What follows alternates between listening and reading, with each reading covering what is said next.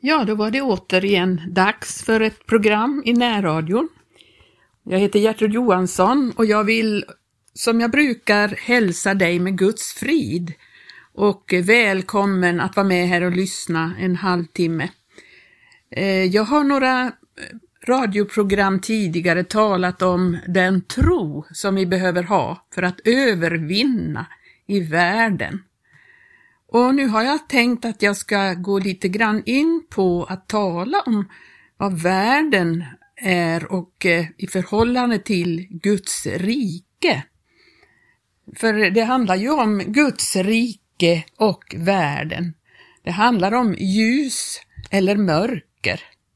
Det handlar om sanning eller lögn.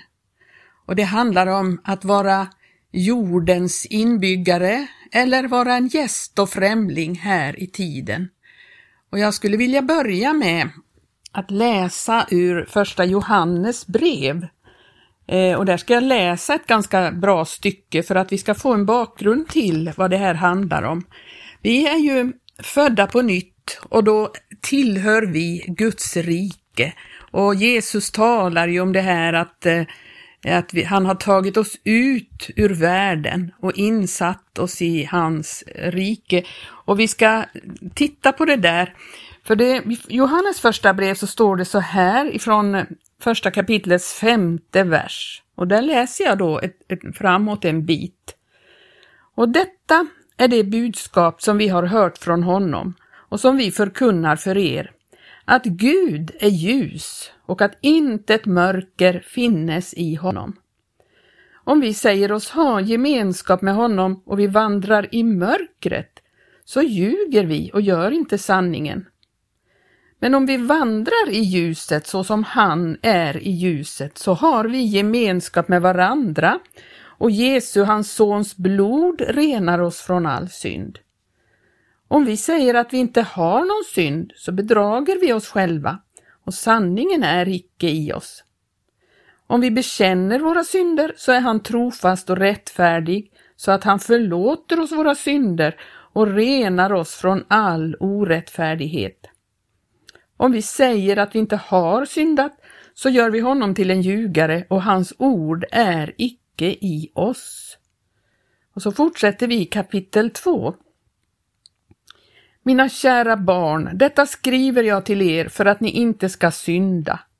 Men om någon syndar så har vi en förespråkare hos Fadern, Jesus Kristus, som är rättfärdig. Och han är försoningen för våra synder, ja, inte allenast för våra, utan också för hela världens. Därav vet vi att vi har lärt känna honom, därav att vi håller hans bud. Den som säger sig ha lärt känna honom och icke håller hans bud, han är en lögnare och i honom är icke sanningen. Men den som håller hans ord, i honom är förvisso Guds kärlek fullkomnad, därav vet vi att vi är i honom. Den som säger sig förbli i honom, han är också pliktig att själv så vandra som han vandrade. Ja, vi kan ju tänka en stund på det, så som han vandrade. Han som sa så här att eh, Människosonen har ingen plats där han kan vila sitt huvud. Han som gick utanför alla de mänskliga anordningar och eh, institutioner som fanns på den tiden. Han vandrade och han eh, tillhörde liksom ingenting i den här världen. Han var utanför alltihop. Den som säger sig förbli honom, han är också pliktig att själv så vandra som han vandrade. Vi fortsätter i sjunde versen. Mina älskade, det är inte ett nytt bud jag skriver till er utan ett gammalt bud som ni har haft från begynnelsen. Detta gamla bud är ordet som ni har fått höra. På samma gång är det dock ett nytt bud jag skriver till er och detta är sant både i fråga om honom och i fråga om er, ty mörkret förgår och det sanna ljuset lyser redan.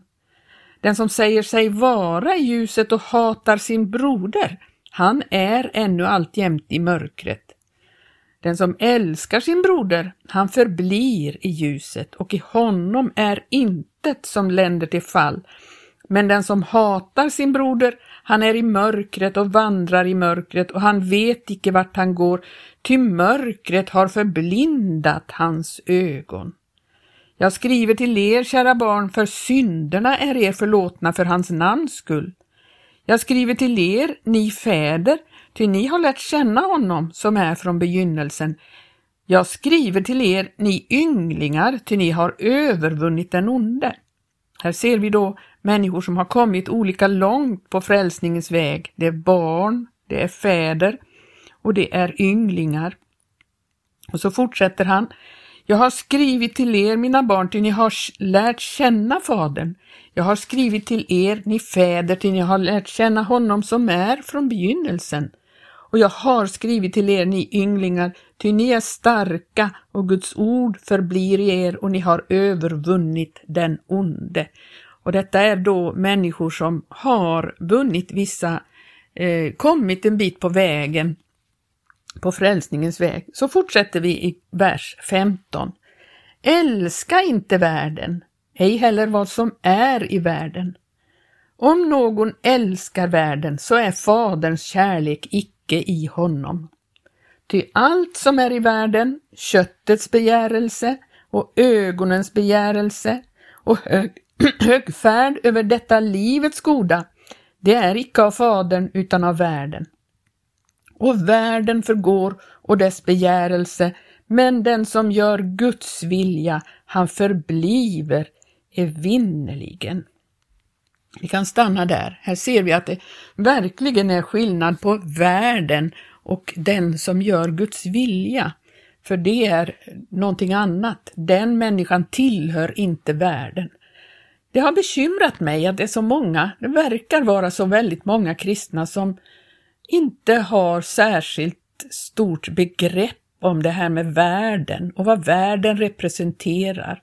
Och man vandrar glatt i världen för att man ser ingen konflikt, man förstår inte eh, spänningsfältet, konflikten mellan Guds rike och världen och därför har man inga bekymmer med det. Man vandrar precis som alla andra människor gör och det har bekymrat mig. Fattar man inte vad det är, vad världen är för någonting? Det står ju i Kolosserbrevet så står det så här att eh, i första kapitlets trettonde vers. Ty han har frälst oss från mörkrets välde och försatt oss i sin älskade Sons rike. Det måste väl ändå märkas på något sätt att detta har blivit en, en, någonting helt nytt för en sådan människa som har frälsts från mörkrets välde och blivit satt i sin äls hans älskade sons rike. Då älskar man inte världen, då har man inte den här kärleken till allt som är i världen, precis som det stod här i, i dessa verser här i första Johannes brev. För allt som är i världen, det är inte av Fadern. Det, världen förgår och dess begärelse. Men den som gör Guds vilja, han förblir evinnerligen. Eh, är det så att vi är verkligen vandrar på det här sättet så måste vi uppleva främlingskapet i tiden. Att vi är främlingar och gäster och att vi inte är eh, hemma här i världen. Vi hör inte hit, vi är annorlunda. Vi vet ju hur en främling är. En, en främmande eh, människa som kommer från ett helt annat land, en helt annan kultur och en helt annan värld den är ju verkligen en främling här. Den ser annorlunda ut, den talar annorlunda, den beter sig annorlunda, tänker annorlunda och allting sånt.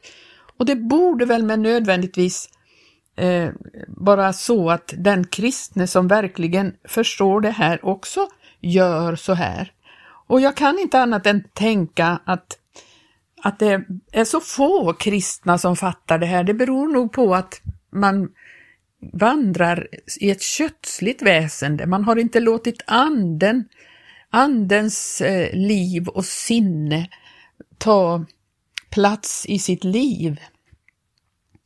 Vi ska titta i eh, Romarbrevet 8, det kan vi läsa lite grann om det här.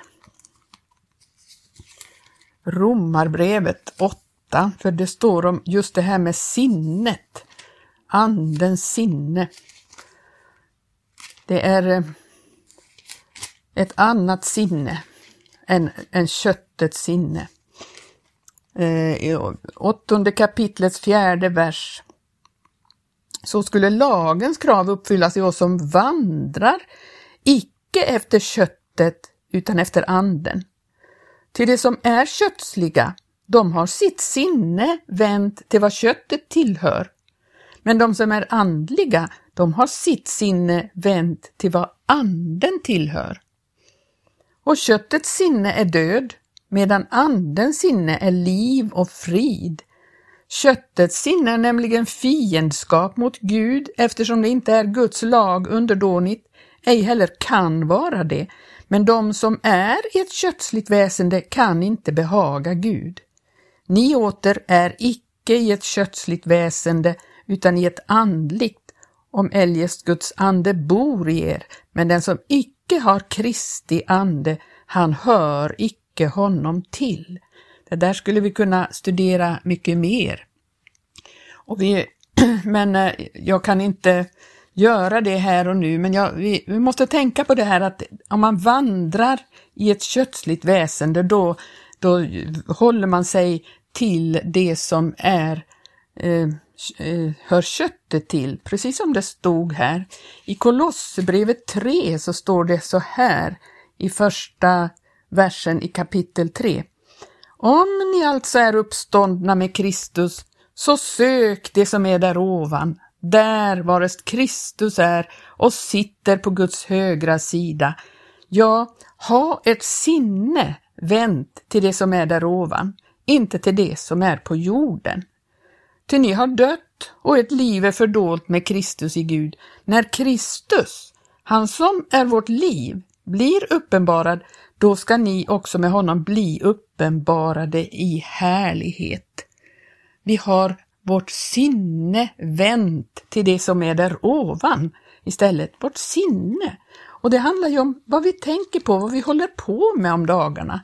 Är vi, Eh, håller vi på och älskar världen så vi söker allting som är i världen, vi också, precis som alla de andra, då har vi inte detta sinne, men har vi sinnet vänt mot det som är där ovan, ja men då längtar vi efter att få mer och mer av Jesus, mer och mer av honom, mer av allt som kommer från honom och då söker vi honom i hans ord och i bönen och vi är angelägna om att få mer och mer av honom varje dag.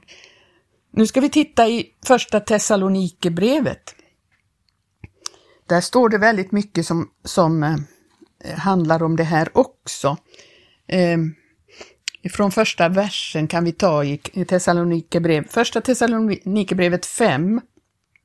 Och då handlar det om Jesu tillkommelse, för att Jesus kommer snart. Eh, ja, egentligen så kan vi läsa det här som kommer i kapitel 4 också först. För eh, det är ju vårt hopp för jag vill inte trycka ner människor här och nu så att de ska få dåligt samvete och bara så, så utan jag vill verkligen peka på vad vi har istället för det som världen har. För det står ju så här, världen förgår och dess begärelse, allt som är i världen förgår. Det finns en tidpunkt när allt det här förgår. Och när vi dör så har inte vi med oss någonting som tillhör den här världen. Vi får inte med oss det. Vi får, har bara kanske förslösat vårt liv i någonting som inte består, någonting som, som är helt meningslöst egentligen. Är inte du lika som jag angelägen om istället ägna ditt liv åt någonting som blir evigt bestående? Någonting som som håller. Det håller i livet och det håller i döden, det håller i evigheten. Och det här är vår tröst, det som står i första Thessalonikerbrevet 4. Det står så här. Ty lika visst, i 14 versen där, ty lika visst som Jesus, så som vi tror, har dött och har uppstått, lika visst skall också Gud genom Jesus föra dem som är avsomnade fram jämte honom. Så som ett ord från Herren säger vi er nämligen detta att vi som lever och lämnas kvar till Herrens tillkommelse ingalunda ska komma före dem som är avsomnade, de som redan har dött alltså.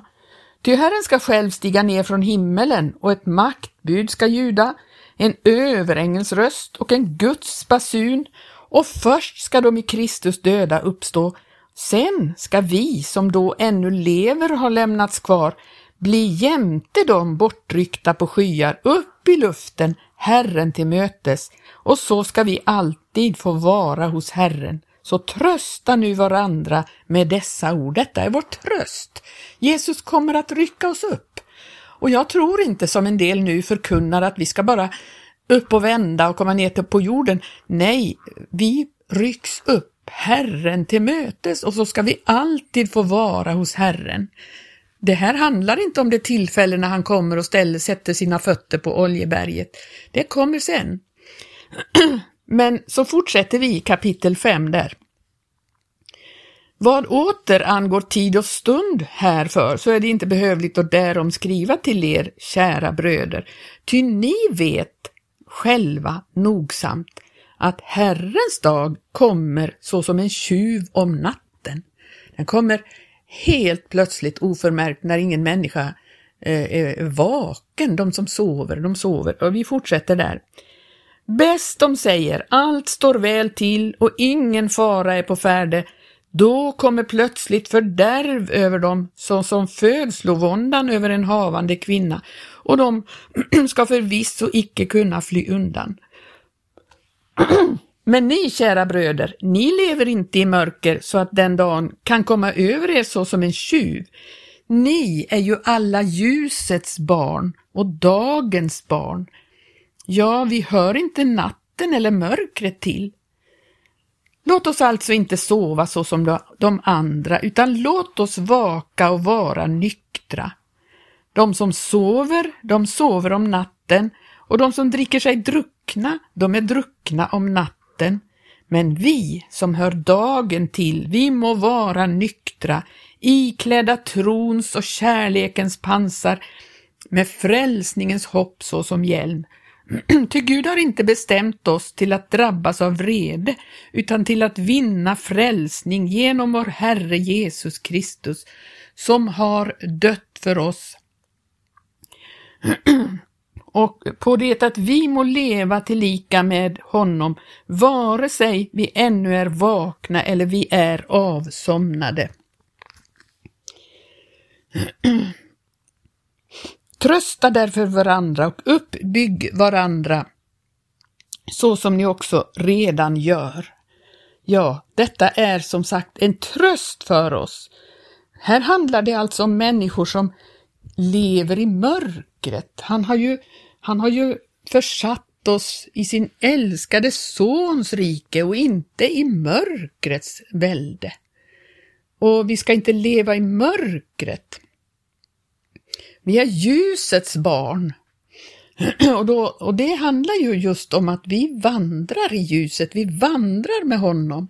Och då handlar det om att inte vandra som alla andra människor gör. Så att eh, det är ju fruktansvärt viktigt att vi tar vara på allt det vi har hört och förstått och sett så att vi kan vandra med honom i den här tiden. Vi inte mer vandra som alla de andra. Vi kan fortsätta i Kolosserbrevet 3, eh, för där, där vi läste förut att vi skulle söka det som är där ovan. Men eh, där har vi en, en, helt annan väg vi kan gå. Så står det i kapit eller, eh, kapitel 3, vers 5. Så döda nu era lemmar som hör jorden till, otukt, orenhet, lusta, ond begärelse, såkgirigheten som ju är avgudadyrkan, Ty för sådant kommer Guds vrede. I de synderna vandrade också ni förut, då ni ännu hade ert liv i dem.